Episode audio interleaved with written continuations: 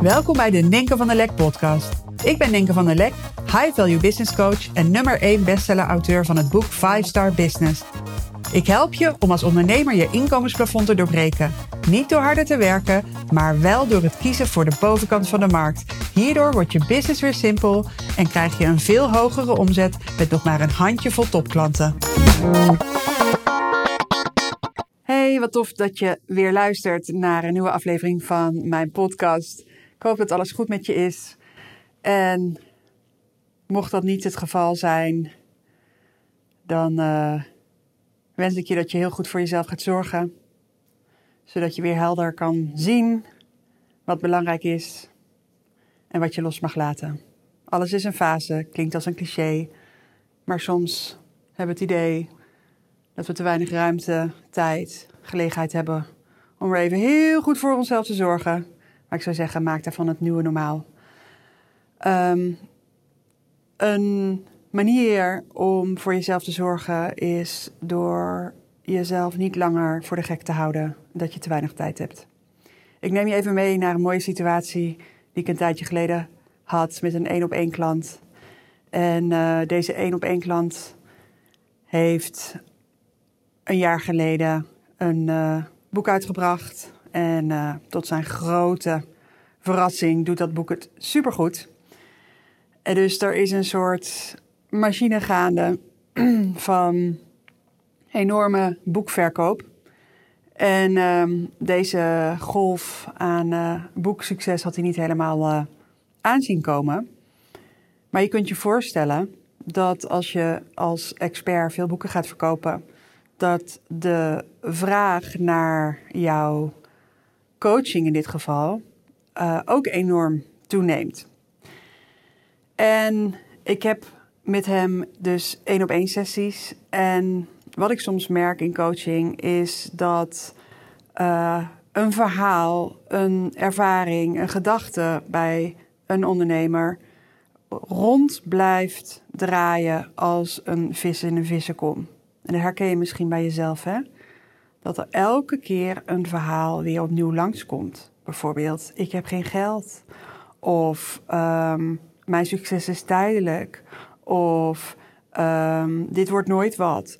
Of um, ja, ik heb daar nu geen tijd voor. Of ik wou dat ik het rustiger had. Of uh, klanten uh, moeten niet zo moeilijk doen. Of klanten te, zijn te veel eisend. Of ja, ik moet, ik moet, ik moet, ik moet. Nou, we hebben allemaal wel van die verhalen die rond blijven gaan in onze mind. Dus zie die vis in die vissenkom.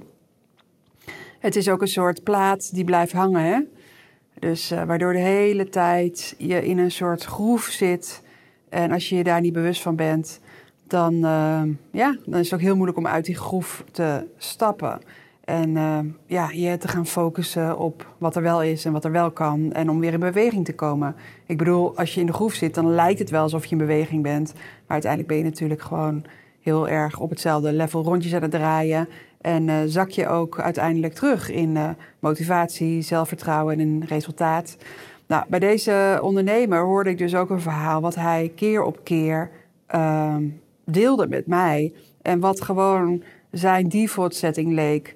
Um, en dat was: um, ik heb te weinig tijd om al deze nieuwe opportunities. Um, ja, om die te gaan verzilveren, of nog liever om die in goud te gaan gieten. En ik heb te weinig tijd, is een aanname, hè? Als je het gevoel hebt dat je te weinig tijd hebt. Ik bedoel, we hebben allemaal evenveel tijd in een dag. Voor de een kan de dag niet uh, lang genoeg duren en voor de ander duurt die veel te lang. Weet je, het is echt een, een concept, het is een perceptie, het is een aanname, het is ja, helemaal hoe je het invult, uh, hoe jij tijd, um, hoe jij tijd ziet en hoe jij tijd beleeft. Nou, mijn één op één klant, hij, hij, hij ja, is dus heel bekend met het verhaal van ik heb te weinig tijd. Dus hij heeft die boek verkopen, enorm succes, enorme toename van aanvragen. Nou, en in premium, in het premium spel ga je natuurlijk niet extreem volume creëren uh, als het gaat om je premium aanbod. Hè? Je, je, je premium aanbod, dat is, voor, is exclusief. Dat is voor een handjevol klanten. Uh, dat betekent niet dat je niet meer klanten zou kunnen bedienen.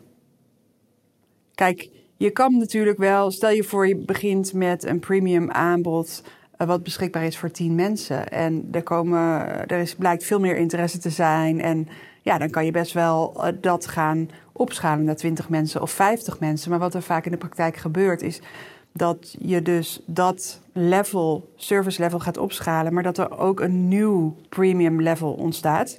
Misschien um, noem je dat het ultra premium level. Dus door met premium klanten te werken, kan er ook een nieuw level, een nieuwe behoefte, een nieuwe kans ontstaan. Dat zie ik in mijn eigen business ook gebeuren. Iets voor in een andere podcast.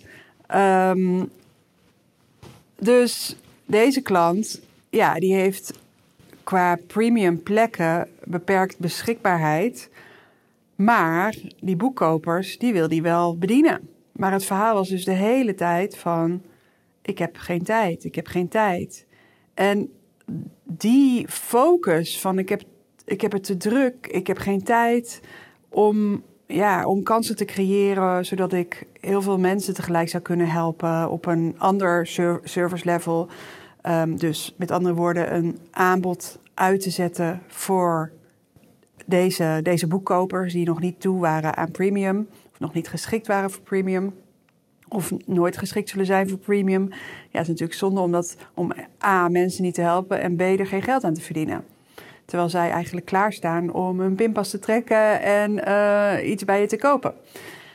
Dus ik had hem dus een aantal keer gehoord over, ja, ik ben zo druk. En dan praten we daarover door. En dan is hij eigenlijk vooral heel erg druk met heel veel bijzaken. En allerlei dingen die eigenlijk helemaal niet op zijn bord horen. En allerlei dingen die niet de game changer zullen zijn voor zijn business. Ik bedoel, de game changer in dit geval was gewoon, ja, creëer iets waardoor wat deze mensen kunnen kopen, waardoor deze mensen ja, geholpen worden. Jij je cashflow uh, omhoog kunt brengen en uh, ja, verder kunt bouwen aan je premium aanbod. Ik bedoel, stel je voor dat je gewoon volume creëert op een lager service level. Dat, creëer, dat zorgt gewoon voor een continue cashflow en um, ja, een financieel veel gezonder bedrijf. Maar ja, als je daarin zit met het verhaal, maar ik heb het te druk, dit wordt ingewikkeld, hier heb ik geen tijd voor, want ik ben al zo druk met alles wat moet, ja, dan is het tijd om keuzes te maken. Maar hij wist dat wel, maar hij deed het niet. En op een gegeven moment zei ik iets tegen hem wat ervoor zorgde dat de knop omging. En dat is: Regel het nou. Regel het zonder zelf te gaan regelen. Regel dat het geregeld wordt, zonder het zelf te regelen. En dat is de sleutel als het gaat om delegeren, als het gaat om je bedrijf verder te laten groeien. Tuurlijk, er zijn zoveel dingen die gedaan moeten worden. Maar heel veel van die dingen zijn misschien niet zo heel erg belangrijk. Maar van de belangrijke dingen zijn er heel veel dingen die jij helemaal niet zelf hoeft te doen. Of die je in het verleden misschien wel zelf deed. Maar als je ze blijft doen, ben je de grootste rem op je groei. En dat was in het geval van deze, deze klant uh, zeker het geval. Omdat hij zelf zich bleef bezighouden met allemaal, ja, allemaal bijzaken. Dingen die iemand anders kan uitvogelen. Um, en ja, bij deze klant was het ook heel opvallend dat hij de neiging had om voor zijn teamleden te gaan denken. Dat zie ik trouwens vaker gebeuren. Dat ondernemers het idee hebben dat ze alles moeten uitdenken en uitwerken voordat ze iets aan hun team zouden geven. Maar hoe zou het zijn om de denkkracht en de, het oplossingsvermogen van je teamleden te gaan bevorderen door hen te laten nadenken over de beste oplossing, door hen te laten komen met een voorstel. En dat vraagt natuurlijk wel om goed leiderschap en dat je, dat je opdrachtverstrekking er goed uitziet, zodat mensen ook weten waar zo'n voorstel aan zou moeten voldoen. Wat, wat, hè, misschien heb je targets, doelen, um, hoe wil je dat er tussentijds gecommuniceerd wordt, uh, wanneer moet het af zijn, al dat soort dingen. Maar regel dat het geregeld wordt zonder het zelf te gaan regelen. En bij deze ondernemer ging echt de knop om. En ineens zag hij van er moet gewoon iemand bij een regelneef in deze business. Ik ben zelf veel te veel aan het regelen.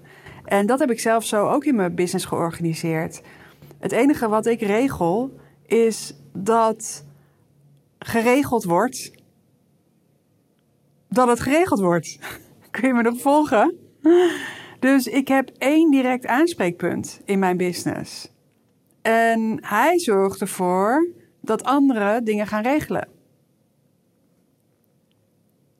En dan word je met z'n allen verantwoordelijk voor resultaat. Dan gaan anderen ook eigenaarschap ontwikkelen en tonen. En kun jij je gewoon focussen op de dingen die alleen jij kan en wil doen. En voor deze ondernemer was dat heel helder. Hij had echt voor zichzelf duidelijk van ja, een bepaalde groep van de klanten, die wil ik coachen. Ik wil niet die hele grote groep gaan coachen. Regel dat het geregeld wordt. En ook een deel van de contentcreatie wilde hij zelf doen. En de rest wilde hij, hè, dus als het gaat om uh, al die mailings, hij heeft zo'n funnel na zijn boek. Ja, hij zei, daar, daar heb ik eigenlijk geen zin in om dat allemaal uit te werken. Ik heb zoveel gecreëerd afgelopen jaren. Alright, regel dat het geregeld wordt, dat die content wordt hergebruikt, dat de beste content in die funnel wordt gestopt. En dan kun je het loslaten. Dus ik denk ook voor jou, als je deze podcast luistert, mogelijk iets waar heel veel kansen liggen. Kijk, als leider van het bedrijf ben jij niet degene die het drukst is. Dat, dat als, als jij het, het drukst hebt, dan klopt er iets niet. Dan heb je te regelen dat iemand anders het gaat regelen. Een leider hoort een soort kalmte in zich te hebben. En ook met de voeten op tafel te zitten, zeg maar achterover te leunen. En dingen uit te denken over de toekomst en opdrachten te geven. En heel veel ondernemers zijn de werknemer in hun business in plaats van de werkgever. Voel je het verschil? Welk werk neem je allemaal? Welk werk trek je naar jezelf toe en welk werk geef je aan anderen? En waar je ook staat in je business, het regelen zonder het zelf te regelen begint al helemaal in het begin. Waarom zou je je boekhouding zelf doen als het niet je expertise is?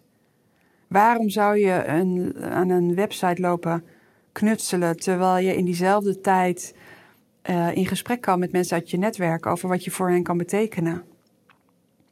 Waarom zou je je agendaplanning doen als een VA dat voor jou kan doen? Al die losse contacten met klanten. Het is helemaal niet erg om een, een keertje een afspraak met een klant te maken. Maar als jij structureel het agendabeheer doet, dat kost heel veel tijd. En dat zorgt ervoor dat je je tijd niet kan steken in dingen die echt de game changer zullen zijn voor jou. Dus dat is natuurlijk belangrijk om te zien. Wat zijn mijn impact points? Zo noem ik ze altijd. Wat zijn voor mij de dingen die het verschil maken? Waar mag jij je tijd en aandacht in steken? En een van de dingen is regelen dat het geregeld wordt. Zonder het zelf te regelen. Nou, ik ben benieuwd of uh, ook bij jou de knop omgaat. Ik gun je het wel, want dit gaat ontzettend veel in beweging brengen.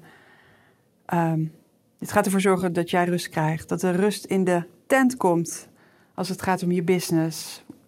Je bedrijf wordt aantrekkelijker voor klanten. Je kunt meer klanten bedienen. Klanten worden op een hoger niveau geholpen. En ja, de weg opent zich gewoon naar groei. Dus knop om en tot de volgende podcast. Bye bye.